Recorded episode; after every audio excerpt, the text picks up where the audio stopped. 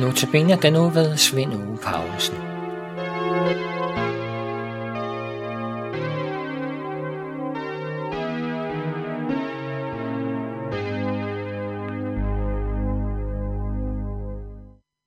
Denne uges andagter holdes ud fra Jakobsbrevet. Dette lidt miskendte brev er først efter mange overvejelser på grund af dets indhold blev godkendt til optagelse i Bibelen omkring år 300. Den store reformator Martin Luther var meget forbeholden over for brevet. Han fandt nemlig, at dets lære var i nogen modstrid med flere af Pauli breve. For eksempel Efeserbrevet, hvor vi kan læse et par vers fra kapitel 2, vers 8 og 9, der står der, for at den nåde er i frelst ved tro. Og det skyldes ikke jer selv, gaven er Guds, det skyldes ikke gerninger. Martin Luther havde jo fuld fokus på Bibelens læresætninger om frelse ved tro alene. Det indgik jo i hans store kirkekamp mod den romersk-katolske kirke, der lærte og stadig lærer, at frelse opnås ved gode gerninger. Ofte kaldes gerningsretfærdighed. Altså det enkelte menneske frelser sig selv ved sine gerninger. Det er en jo ganske i modstrid med Bibelens lære, der sammenfattende er mennesket frelses ved tro på Jesus Kristus. At hans død på Golgata var en soningsdød for alle menneskers sønder. Og Gud vil have noget tage imod et hvert menneske, der stoler på, at Jesus døde også for deres sønder.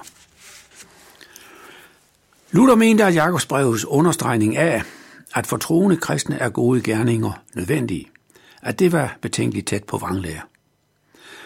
Men baggrunden for forskellighederne mellem Paulus og Jakob skyldes, at der blandt de første kristne var forskellig frelsesforståelse. Gående fra, at den kristen selv stod for sin frelse ved sine gerninger, til andre, der mente, at de var frelst af noget, og så betød deres levevis intet i frelseshenseende. Luther ville helst henvise brevet til en mavenplads i skriften, et tillæg, som man kunne læse med forbehold. Men her gik Luther for langt. For ved en nøje læsning af de to forfatteres breve viste det sig, at Paulus ikke er uenig med Jakob. Men de to forfattere skriver til mennesker med de førnævnte forskellige opfattelser om frelse. Og det var på Jakobs tid ikke nogen litteratur om det spørgsmål. Så tilgangen til kristendom har for en stor del været mennesketanker. For der var ikke nogen litteratur til at forklare de kristne mere i dybden, hvad kristendom indebærer.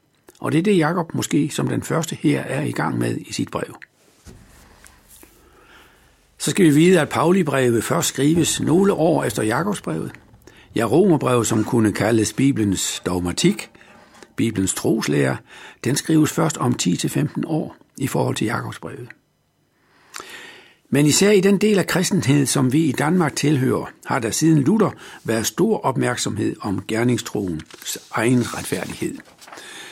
Altså det, vi kalder gerningsretfærdighed, som især Paulus udmaler, altså dette at mene, at det er vores gerning, der udvirker frelsen på tværs af Bibelens lære.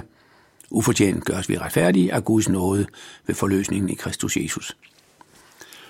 Og i visse missionskrise her i landet er man stadig meget fokuseret på faren for gerningsretfærdighed – med risiko for at glemme, at en levende tro nødvendigvis må gøre troens gerninger. For tro og gerninger er ikke fjender. Sand tro og retfærdighed går gerne hånd i hånd. De er to dele af Guds værk i os.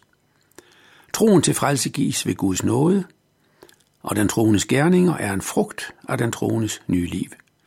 Så altså troen er årsagen, og gerninger er resultatet.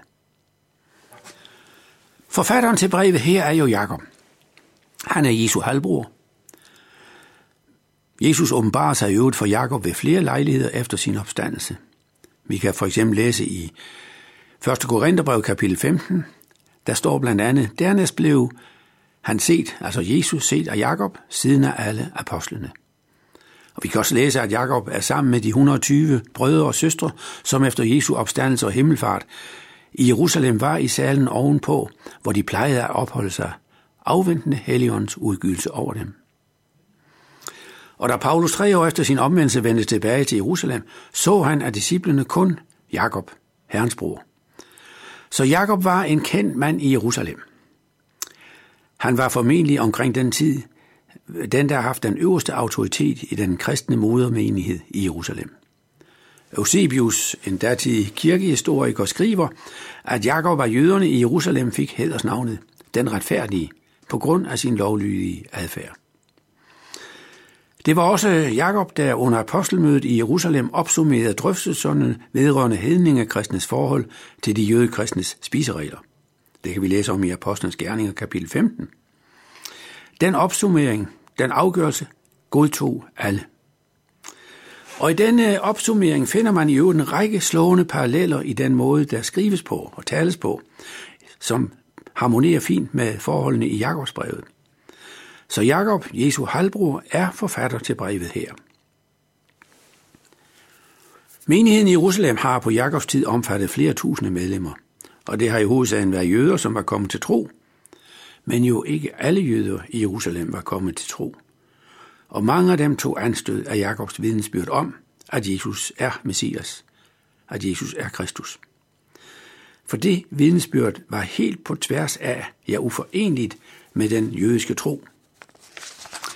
Og de jødiske autoriteter i Jerusalem greb der også ind, og det medførte et voldsomt Kristus had, som naturligvis måtte gå ud over hans halvbror Jakob.